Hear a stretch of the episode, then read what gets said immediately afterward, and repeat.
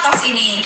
Aku Ika Aprilia Sadila, mahasiswa budidaya perairan angkatan 2021 dan Aku Ungu Andini, mahasiswa aktif budidaya perairan angkatan 2021. Nah, di Aqua Talk Series 3 ini, kita akan mengundang narasumber yang super kece dan berperan penting di Kabinet Lima Kuat tahun ini. Bisa tebak nggak siapa? Mau tahu nggak? Tahu dong. Kalian tahu nggak? Nggak tahu kan? Makanya tahu, yaitu Bupati Himakwa tahun 2022. Bang, sini dong. Jangan malu-malu, Bang. Masuk, Bang. Masuk, masuk. Nah, ini guys. Bang Abror. Halo, Nah, di sini udah ada Bang Abror nih. Bang Abror gimana nih kabarnya? Alhamdulillah baik. Tika dan Umu gimana? Alhamdulillah baik juga bang. Nah sebelum kita masuk ke sesi Q&A, nah kan karena banyak yang belum tahu nih sama Bang Abror, apalagi nanti ada tingkat, terus kakak-kakak alumni di atas, itu kan pada belum tahu nih. Jadi enakan kita kenalan dulu nggak sih sama Bupati Lima Kota 2022 GC? Ya nggak sih? Betul kan? Bener, Iya bener banget. Nah jadi kenalan dulu nih bang. Ayo Oke, bang. kenalan ya. Iya. Halo semua kawan-kawan Himakwa. Perkenalkan, nama Bang Muhammad Amror dari Angkatan 2020. Alhamdulillah pada tahun ini diamanahkan sebagai Bupati ataupun Ketua Umum Himpunan Mahasiswa Kultur Kabinet Samudra. Itu aja kenalannya. Udah nih bang segitu aja. Hobinya apa nih bang? Hmm, hobinya membaca, Alhamdulillah. Baca apa bang? Membaca masa lalu, membaca masa lalu. Oh parah baca masalah. Masa lalu ternyata guys. Membaca buku. Nah, jadi Iya. kita langsung lanjut aja nih Bang ya. Boleh, boleh. Jadi pertanyaan pertama ini ada salah satu dari mahasiswi eh, budidaya perairan. Itu nanya nih, gimana menurut Abang nih cara menyeimbangkan waktu antara akademik dengan organisasi? Apalagi kan kita kan suka nggak balance nih antara organisasi sama kampus gitu. Nah, menurut Abang gimana? Hmm, ini terjadi ya di abang di awal-awal di abang belum bisa dulu tuh mengatur waktu tapi alhamdulillah sejauh ini udah tahu bagaimana caranya.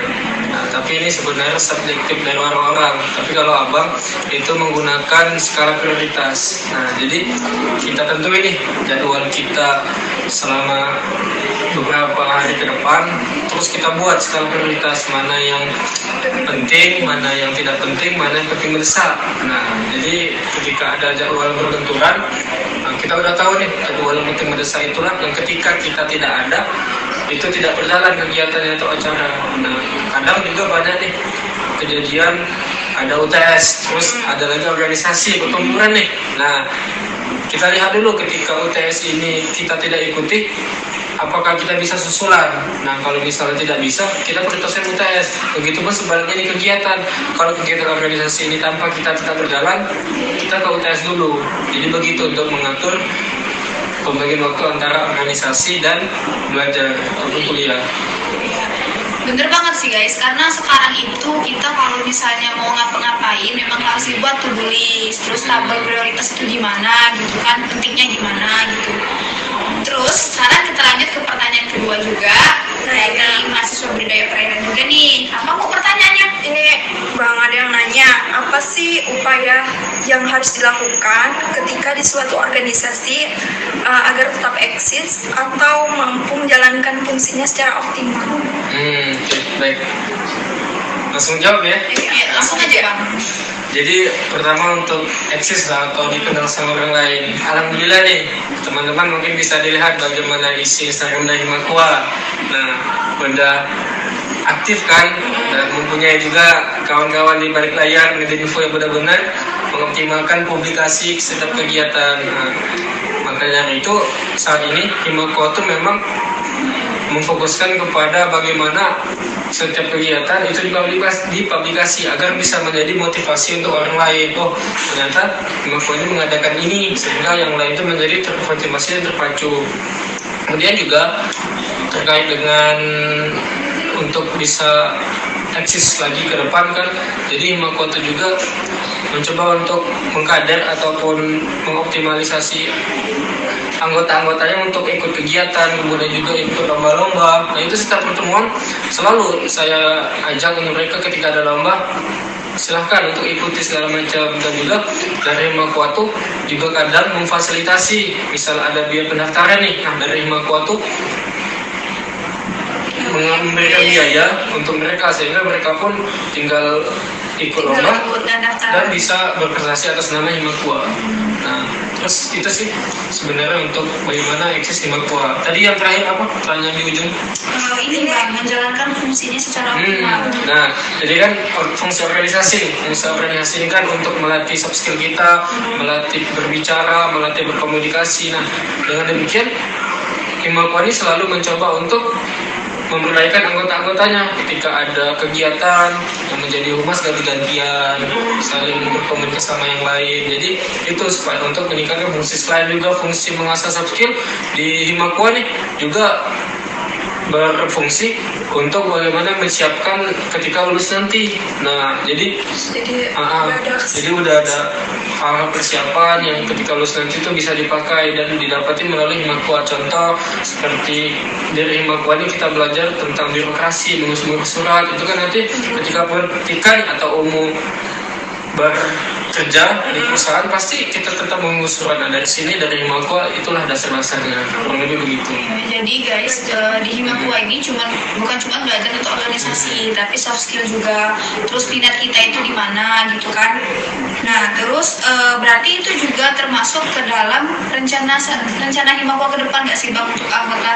Ya sebenarnya masuk ke Nah karena itu berkaitan sama itu, Hmm. sama pertanyaan yang selanjutnya itu bang, gimana sih rencana untuk Himakua ke depan menurut abang dan untuk anggota-anggota dan lainnya gitu bang? Rencana setiap organisasi tentu ingin menjadi lebih baik dari yang sebelumnya ya. Tapi kalau untuk planning-planning khusus yang dari abang nih dan kawan-kawan mas uh, Indika di Himakua itu yang pertama bagaimana mengoptimalisasi anggota-anggota agar bisa berprestasi baik itu di bidang seni, olahraga maupun keilmiahan. Apalagi di keilmiahan nih, di keilmiahan kan dari fakultas maupun universitas itu menekankan bagaimana berprestasi bahkan dari saat implementasi dari itu kita kemarin baru saja mendapatkan juara dua di tingkat fakultas. Nah, kemudian juga selain itu ya selain di bidang keilmiahan kita juga mencoba untuk di bidang seni dan segala macamnya dan selap, se- apa terlepas dari kegiatan-kegiatan yang untuk organisasi segala macam. Kami juga mencoba ke depan tuh untuk mengembangkan Himakwa ini agar dikenal lebih luas lagi. Nah dengan cara menempatkan kader-kader ataupun anggota-anggotanya di setiap organisasi. Jadi selalu mengarahkan untuk oh silahkan nih Tika bisa nih ikut URID ataupun ikut yang UKM-UKM nah sehingga dikenal Himakwa nih nah, dan juga tentu kami mencoba untuk branding di forum-forum nasional kayak di himpunan mahasiswa apa pun se Indonesia ataupun perikanan se Indonesia itu tika dan Ya, umum jadi nggak cuma terbatas di Hmm, satu bidang aja ya bang ya. Kiranya luas. Hmm. Jadi ada pertanyaan selanjutnya. Apa proker unggulan dari ketua umum Himakua? hmm, proker unggulan ya. nah jadi sebenarnya ada tiga nih unggulan dari Makua. Yang pertama itu perluasan spektrum di bidang seni olahraga dan keilmiahan nah itu sama korelasi dengan yang tadi bagaimana di Makua ini mencoba untuk mengkader eh, ini apa anggota-anggota biar berkualitas nih nah jadi perluasan spektrum meningkatkan prestasi segala macam. Nah yang kedua tuh ada Wandewi Himakua nah jadi Wandewi Himakua ini Wandewi Himakua ini baru tahun ini nih ada terjalankan nah Sebelumnya nggak ada. nggak ada. Ini berangkat dari bagaimana supaya untuk mengumpulkan anggota-anggota itu agar saling kenal.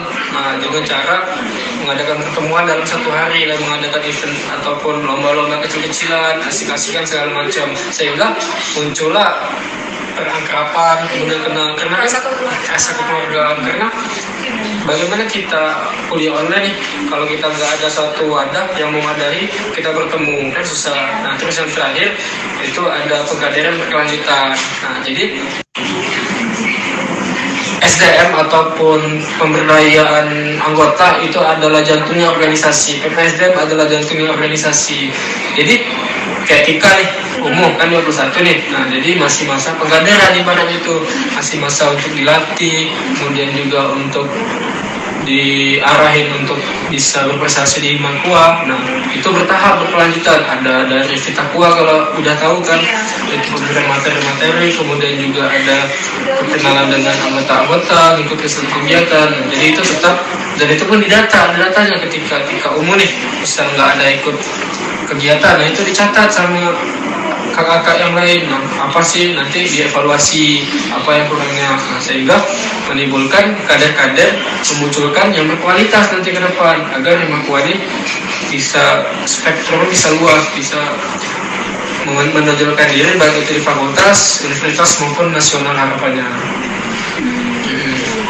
Jadi ya emang gitu sih kalau misalnya di organisasi tapi SDM-nya nggak apa ya nggak berkeluargaan atau nggak nyatu kan nggak enak juga ya Iya, baru bikin nggak nyaman. Jadi itulah tadi fungsi PPSDM di dalam organisasi itu dan yang lainnya nggak cuma PPSDM aja. Terus sekarang lanjut ke pertanyaan selanjutnya bang jadi sebenarnya eh, kayak kami nih terutama maba bang Hmm. itu sebenarnya penting nggak sih untuk ikut organisasi di Hmm. awal Ya. apalagi bang kami kan dari SMA nih di Masih, masih ya masih Iya. kultur shock bang kayak Iya. ini harus ikut organisasi apa ya bingung gitu Masih bang bingung. Nah, kira-kira itu gimana bang Pertama dampak dari kita kuliah daring ini memang minat ikut organisasi itu menurun, Iya, menurun jauh. Lihat bahwa di beberapa organisasi pun ya tidak ada kader-kader yang bisa melanjutkan regenerasi itu. Nah, tapi yang kita perlukan yang pertama tuh kita tuh keinginan dulu dari diri kita untuk ikut Niat. Iya, karena faktanya apa? Kita ini kan kuliah harapan 4 tahun nih, 4 tahun. Kita salah satu tridharma perguruan tinggi itu adalah pengabdian. Nah, jadi bagaimana kita kalau mau mengabdi tapi nggak ada ilmu-ilmu dalam yang kita dapatin untuk mengabdi masyarakat. Nah, ilmu-ilmu itu dapat dari mana? Dari organisasi. organisasi. Kita kuliah kan cuma pelajaran nih, pelajaran kalaupun melatih berbicara itu pun kalau presentasi, nah nggak dapat yang luasnya kan. Nah, didapat itu di organisasi. Nah, kita harus pahami itu dulu. Bagaimana fungsi organisasi, bagaimana manfaat yang kita dapatkan dari organisasi. Ketika kita udah tahu itu, oh ternyata organisasi ini banyak loh manfaatnya, walaupun nanti mungkin ada menghabiskan cap, uang, tenaga segala macam. Nah, itu yang kita harus pahami pertama, bagaimana bahwa organisasi sangat berfungsi. Nah, yang kedua, sangat penting kenapa? Karena kita agak amat disayangkan ketika masa muda kita tidak mengeksplor diri. Nah, ketika kita cuman kuliah pulang kuliah pulang itu yang diri kita tuh nggak upgrade gitu. Sedangkan kita ini kuliah hanya per tahun. Nah, jadi dengan masuknya organisasi, jadi bisa terupgrade. Nah, sebenarnya juga dari macam-macam pribadi kan ada yang suka organisasi, ada yang tidak. Nah, tapi itu kembali juga diri. Tapi di sini apalagi di Himakuan ini memang wajib untuk masuk ke dalam organisasi karena sebagai media pembelajaran. Tapi tidak tidak lupa juga sebagai organisasi kita harus berprestasi. Nah mungkin ada kawan-kawan nih yang nggak hobi berorganisasi ataupun ikut-ikut kegiatan itu jangan cuma kuliah-kuliah kuliah pulang tapi ikuti lomba-lomba segala macam. Jadi nggak harus menuntut untuk ikut organisasi tapi memang banyak pengalaman yang akan didapat di organisasi. Dan banyak cerita indah. Karena kita cuman hidup ini sekali jangan menua tanpa arti Benar. Hmm. Jadi kalau misalnya kita masih di awal nih ragu ikut organisasi apa, mungkin bisa dicoba dulu untuk ikut lomba-lomba gitu kan. Iya. Kalau belum mau eh, terjun langsung ke organisasi gitu kan. mungkin ini satu lagi ya ini kan kerja dengan organisasi nih nah mungkin kawan-kawan dari 21 lah terutama ataupun nanti 22 yang menonton belum tahu apa aja organisasi yang ada di fakultas terutama nah, jadi di fakultas itu ada organisasi yang menaungi di bidang keilmiahan ada juga organisasi di bidang dakwah ada juga di bidang pergerakan sosial nah itu ada BEM, Kurma dan BPI. Nah, kalau di HMI itu kan wajib. Nah, kalau misalnya kawan-kawan mau ikut organisasi yang di bidang bakat, minat, itu ada juga di tingkat UKM, UKM, UKK yang ada di universitas. Kayak juga ada VIU yang di fotografi, ada juga harmoni, ha-ha. ada Yuri di bidang keilmiahan. Jadi banyak sekali kalau kita mau Banyak mengeksplor diri. Asal kita mau dan Mau niat mencoba. dan berani untuk berkorban. Ikut. karena memang organisasi itu cukup eh, menguras tenaga sama uang Iya, ya. Bang, ya. Jadi kalau kalau kita nggak niat dari awal itu pasti bakal angin-anginan sia-sia Iya. Dan jangan pernah menyesal nanti ketika tua kita nggak ikut apa-apa di Ah, Kuliah. kuliah ya, benar-benar. pertanyaan selanjutnya bu ada lagi nggak Ada boleh nih. boleh deh. Apa saja sih agenda yang ada di Hima- Himakua? Oh. Hmm. Hmm. Terus apa saja yang bisa kita dapatkan dari Himakua? Oh agenda yang ada di Himakua. Nah jadi banyak ya agenda yang ada di Himakua itu mulai dari agenda yang berbau keilmiahan, agenda yang berbau dengan sosial, agenda juga yang lain-lainnya. Nah kita garis besar aja agenda berbau sosial tuh ada semacam Himakua Cares prokernya. Jadi itu kita kadang ke panti asuhan, kemudian juga galang dana. Nah, itu berbau dengan masyarakat. Dan juga ada program- terbaru nih dari dinas humas dengan keilmiahan. Jadi kita tuh mencoba untuk mm, memberdayakan desa gitu. Nah, jadi kita turun ke desa untuk memberikan pengertian-pengertian di bidang perikanan. Nah, terus juga yang kedua itu kita tahun ini banyak lebih fokusnya tuh ke ini ke bidang perikanan. Jadi supaya apa? Supaya anak-anak yang di BDA ini tahu gitu nah. Hal-hal yang di bidang perikanan yang tidak dapat di bangku kuliah. Jadi semacam kita nanti bakal ada kunjungan ke balai kemudian juga bertemu dengan dinas-dinas yang di perikanan dan juga kunjungan atau studi banding dengan kawan-kawan yang ada di universitas lain di bidang aquaculture berarti bukan cuma sekedar teori gitu bang ya Iya benar. juga- Ah, Nah juga apalagi ya masih banyak kayak di bidang keilmiahan kita ada kelas-kelas kayak kelas PKM, kelas debat. Nah, itu bisa untuk mengeksplor diri. Terus juga ada kayak webinar-webinar, webinar-webinar di bidang keilmiahan, kemudian di bidang wirausaha. Kemarin juga baru jalan kita datang ke sekolah-sekolah. Nah, banyak sebenarnya agenda-agenda yang ada di Himakua yang sudah terjadi maupun yang bakal terjadi nanti ke depan. Itu kurang. Terus kalau yang yang kalau misalnya ada adik tingkat tahun 2022 nih, Bang terutama mau nanya nih, kalau misalnya kami ikut Himakwa itu bisa dapat apa aja? Mhm. Nah itu kira-kira jawabnya gimana nih Bang? Oke. Dapat apa ya? Banyak, jawabnya banyak. Yang pertama, mendapatkan ilmu. Ya, pasti ilmu. Yang tadi ya, kita nggak dapat ilmu di kuliah, sisanya dapat di organisasi. Yang kedua, relasi. Relasi dengan teman ataupun kawan itu berbeda. Apa bedanya? Kalau teman itu kita sekedar kenal gitu lah, kenal. Terus juga kita ada, ada berhubungan timbal balik antara dia. Nah kalau relasi itu kita mempunyai hubungan timbal balik. Misal ketika umum nih jadi panitia, terus membutuhkan moderator. Nah Umu ada kenalan yang bisa jadi moderator, nah itu jadi relasi. Nah jadi di Himakori dapat dengan demikian dan juga bukan relasi di tingkat jurusan saja, tapi bisa ke unik asalkan memang kita mau untuk berusaha. Nah selain juga relasi ilmu segala macam, kita juga mendapatkan kemudahan.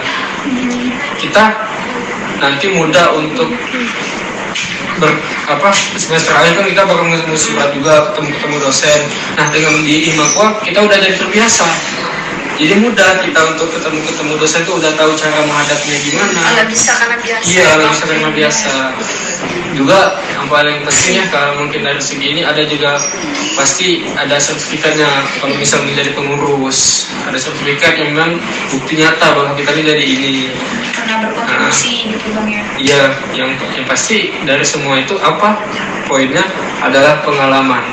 Nah, Pengalaman adalah guru terbaik yang kita alami. Tanpa ada pengalaman, kita tidak akan pernah bercerita dengan orang lain. Benar. Tuh. Banyak. Nah, jadi- Iya. jadi, jadi jangan takut kalau mau masuk Himakwa gitu kan Hmm, karena benar. selain itu himpunan prodi sendiri terus kita juga bisa dapat banyak manfaat di situ Hmm. bukan cuma uh, hard skill aja tapi soft skill juga dapatnya dari situ Nah, berhubung Bang Abror ini kan salah satu mahasiswa yang sangat-sangat produktif ya kan. Banyak banget ikut organisasi dan nggak cuma ikut doang nih, tapi juga ngejabat di Himakua, ada organisasi luar juga nih. Nah, itu menurut Abang nih, gimana sih Abang kok bisa jadi mahasiswa yang produktif Bang? Mhm. Oke. gitu ya jadi kita harus membedakan dulu nih antara produktif dan sibuk nah, karena kalau produktif itu kita melakukan sesuatu tidak hanya untuk meluangkan waktu tapi juga mendapatkan manfaat dari situ. Nah kalau sibuk kita tuh hanya meluangkan waktu aja tanpa kita tahu apa manfaatnya. Nah jadi makanya kita harus membedakan nih antara sibuk dan produktif. Terus kenapa bisa demikian? Yang pertama itu motivasi sebenarnya. Karena tanpa motivasi tanpa ada dukungan kita tuh nggak bakal mau bergerakkan sesuatu hal nah motivasi abang apa? Motivasi abang ketika dari SMA nih ketika memang udah kuliah nanti abang termotivasi untuk bisa bermanfaat untuk orang lain untuk berdampak banyak. Nah caranya itu ya abang menurut abang dengan organisasi karena dengan organisasi kita ini bisa untuk melakukan kegiatan-kegiatan yang dampak itu untuk masyarakat luas. Menjangkau lebih luas menjangkau lebih luas. Nah karena pun demikian faktanya saat ini banyak orang-orang berintelektual tinggi pintar segala macam tapi tapi tidak banyak orang yang peduli dan bisa memberikan manfaat untuk orang banyak. Nah itu motivasi. Terus yang kedua itu ada adalah keinginan. Nah dengan adanya motivasi ini menimbulkan keinginan keinginan untuk ikut organisasi. Nah dengan organisasi abang sadar nih. Abang sadar bahwa banyak hal yang abang kurang. Ketika SMA banyak hal-hal yang tidak abang dapetin. Nah dengan demikian abang sadar bahwa dengan ikut organisasi abang bisa nanti menambah ilmu menambah wawasan dan segala macam. Nah yang yang ketiga nih selain itu dari tadi apa? Dari ah, ah, juga motivasi terus juga abang sadar juga bahwa dengan organisasi itu menambah relasi. Nah menambah relasi dan memudahkan kita memudahkan kita untuk nanti ketika tamat kita banyak relasi banyak channel banyak jaringan kita ke mana-mana itu juga jadi enak. Nah memang jadi orang-orang yang memang produktif itu capek rasanya. Capek kita memang mengurangi waktu tidur dan waktu istirahat. Nah kadang memang sering begadang tidur malam. Begadang itu bukan main-main HP tapi begadang dengan diskusi begadang dengan membaca buku dan yang lain. Nah itu memang capek.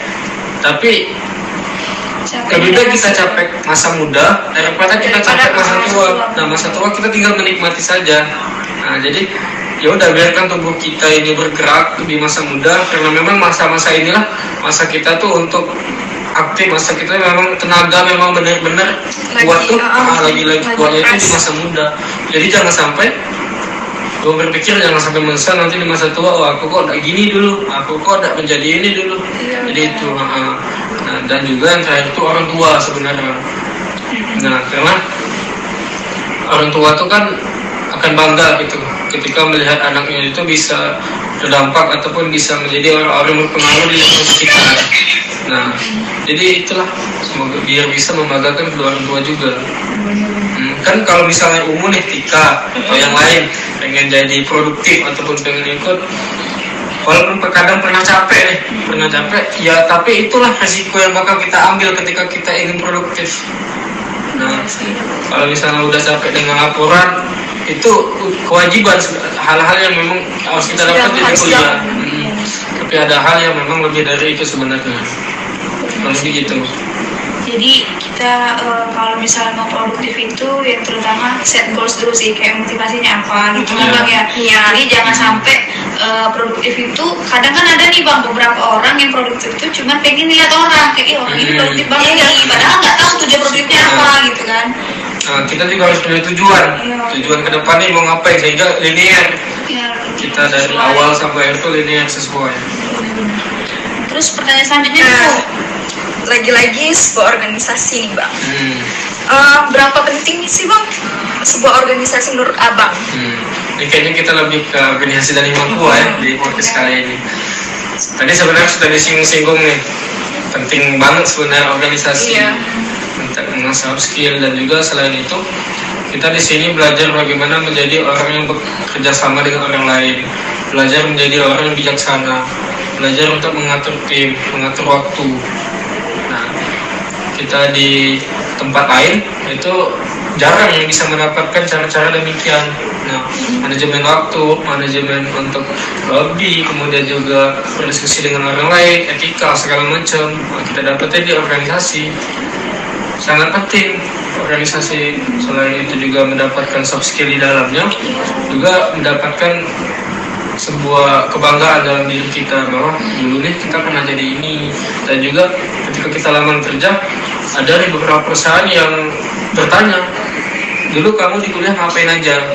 Nah sekarang ini pun IPK tuh penting cuman orang pun lebih penting soft skill Iya, soft skill karena soft skill salah satu yang dibutuhkan di mana saja. Nah, ketika ditanya nih, misalnya ketika dulu di kuliah mau ngapain aja, eh sedang ngap, udah ngapain aja. Kalau kita apa ngapain, pasti kita bingung jawabnya. Dulu pak, saya ini kuliah-kuliah be pak, kalian ini cuma gini-gini be pak, pulang pergi be pak.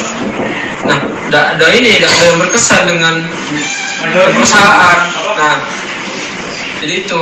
Nah, dengan organisasi ketika kita ditanya nih, dulu ikut apa, bro?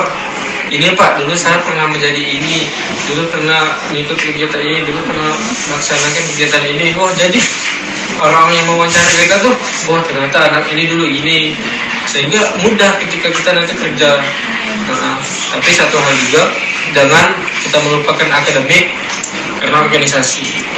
kuliah Kuliah tetap nomor satu. tapi himakua atau organisasi juga sebagai penunjang ya bang Iya, benar. nggak fokus ke kuliah juga gitu. Hmm. terus bang ini ada pertanyaan selanjutnya nih bang E, kalau misalnya kita ikut himakua itu gimana sih bang supaya kita tuh bisa ikut kontribusi di himakua gitu Hmm. mungkin bisa jadi anggotanya atau ikut kegiatan dan lain-lain gitu bang harus menjadi struktural ya kalau kalian tuh ingin berkontribusi kalian sadar saja dengan bahwa diri kalian itu adalah bagian dari Himakua itu sudah menjadi kontribusi. Karena ketika kalian sudah sadar dan diajak untuk ikut ini kalian tuh mau. Nah, itu sudah menjadi bagian dari kontribusi. Nah kalau kalian mau berkontribusi lebih kalian ikuti setiap kegiatan-kegiatan. Kalau ada event-event yang membanggakan prodi atau himpunan diikuti. Nah, jadi tidak hanya menjadi struktural. Pun kalau kalian pengen menjadi struktural seperti pengurus harian, kalian harus merintis dari sekarang. Kalian tuh harus bisa aktif, bisa tahu nih isi dalamnya himaku apa sehingga ketika kalian menjadi pengurus, kalian tahu apa harus diperbaiki di tahun depan. Nah, pemuda kita itulah yang bakal menjadi regenerasi ke depannya. Hmm. jadi ya gitu tadi kan penting juga untuk tahu setiap uh, jobdesk atau berdinas himakua itu gimana gimana biar nanti pas di pengurusan kami gitu Hmm. udah mulai biasa gitu kan tinggal memperbaiki yang sebelum sebelum sebelumnya itu kurang gitu Iya, kan ya. ini ada pertanyaan terakhir nih bang Hmm. sebelum kita tutup podcast hari ini memang ada pertanyaan terakhir dari eh, mahasiswa budaya perairan nih bang sebenarnya eh, goals yang dicapai atau goals yang ingin dicapai di selama kepengurusan Himako itu apa sih bang? Kayak di akhir tuh abang tuh pengennya Himako bakal gimana gitu? Tujuan tujuan akhirnya gimana gitu bang? Tujuan akhir apa lah? Pertama itu pengen menciptakan anggota-anggota kader-kader yang berkualitas. SDM-nya ya bang? SDM-nya bagaimana kalian-kalian inilah yang bakal menjadi generasi ini bisa berprestasi untuk Himakua dan dari Himakua ini abang juga kepengen ini sudah mempunyai dasar-dasar dasar-dasar kepemimpinan dasar-dasar beretika dan yang lain. Dan selain itu juga abang nih kepengen bisa bereksplor ataupun bisa Himakua ini bisa dikenal lebih banyak lagi. Nah, jadi dengan adanya kita pertemuan-pertemuan dengan unit lain, nah itu yang bakal terus digancang bagaimana Himakua ini bisa tereksplor dalam diri. Nah, eksplor itu ada beberapa cara. Yang pertama tuh dengan kegiatan, dengan proker-proker. Nah, alhamdulillah sejauh ini udah produktif Himakua, udah banyak kegiatan-kegiatan dan dengan demikian orang lain itu melihat oh ternyata Himakua ini himpunan apa himpunan aquaculture oh kok aktifnya nah, itu yang kedua dari anggota-anggotanya nah dengan anggota-anggotanya misalnya Ika ikut UKM harmoni ambil contoh dari jurusan mana dari jurusan BDA himpunan aquaculture iya nah Oh ternyata anak-anak BDA nya aktif ya. Nah itu sebenarnya pengennya Membawa nama baik. Ah. Selain juga tujuan tiap tahun ya untuk berprestasi membawa nama baik prodi Budaya Perairan. Nah, juga perlu diketahui bahwa BDA ini organisasi yang kekeluargaan. Jadi semua anggota yang baru nih mahasiswa baru itu memang wajib masuk ke Himakua karena di sini kami sifatnya merangkul semua berkeluarga. Jadi anggap aja Himakua ini bagian dari rumah kalian. Anggap aja saya ini bagian dari tempat tinggal kalian yang memang harus kita jaga bersama-sama dan kita ikuti bersama-sama bagaimana kegiatannya ke depan lebih gitu Nah, jadi untuk podcast series kali ini itu udah selesai nih. Nah, kalau bagi uh, teman-teman yang masih penasaran dan pengen sharing-sharing langsung sama Bang Abrun, bisa datang langsung nih ke Secret atau ke tempat kami sering kumpul gitu. Nah, nanti tanya-tanya sendiri. Soalnya kalau misalnya mau dimuat semua di sini itu terlalu banyak. jadi langsung datang aja nemui Bang Abrun ya, teman-teman. Nah, jadi sebelum kita tutup podcast kali ini, Abang ada nggak nih pesan-pesan atau sekata dua patah kata untuk teman-teman yang nonton di rumah gitu, Bang? Boleh Bang disampaikan? Nah, oke. Okay. Abang sampaikan ya. Pesan-pesan terbagi nih, terbagi. Karena yang menonton ini kan random nih. Menonton ini banyak dari segala usia, dari segala profesi. Nah, pesan Abang untuk kawan-kawan nih kawan-kawan yang sudah di Himakua dan sudah kenal dekat dengan Himakua silakan tetap membersamai kemudian juga silakan tetap berkontribusi di sini karena ini adalah rumah kalian ini adalah tempat kalian bernaung jadi jangan sampai kalian sendiri merusaknya kita di sini bakal menjaga itu, kita di sini bakal mengharmonisasikan itu. Kalau bukan kita, ya siapa lagi kan? Nah, juga silakan untuk berprestasi karena itu dan menimba ilmu dengan sebaik-baiknya. Nah, untuk adik-adik misalnya yang menonton dari SMA ataupun yang belum kenal Nia dengan Himakua, inilah sedikit gambaran dengan sedikit gambaran terkait dengan Himakua bahwa Himakua itu begini. Nah, untuk misal mau ingin lebih lagi, boleh untuk bertanya-tanya ataupun datang langsung di subscribe Himakua ataupun di kolom belakang itu tidak jadi masalah. Nah, dan juga kalau misalnya ada nih kawan-kawan dari teman-teman dari univ atau fakultas lain mengajak bekerja sama dengan Himakua, Himakua sangat terbuka dengan hal-hal demikian karena di samping kita bersilaturahmi juga kita akan mendapatkan segala hal yang bermanfaat dari situ dari bekerja sama. Nah, pesan juga untuk kakak-kakak yang barangkali sudah tamat, yang sudah bekerja dan alumni segala macam, tetap semangat kakak sekalian, tetap berprestasi, tetap tidak melupakan rumahnya di sini dan juga kalaupun ada pesan-pesan untuk adik-adik untuk saya dan yang lain itu silahkan untuk disampaikan kami sangat terbuka karena ini pesan-pesan ataupun masukan itu sangat menjadi bagian dan tolak ukur dari kemajuan himpunan itu sendiri. Nah, itu pesan.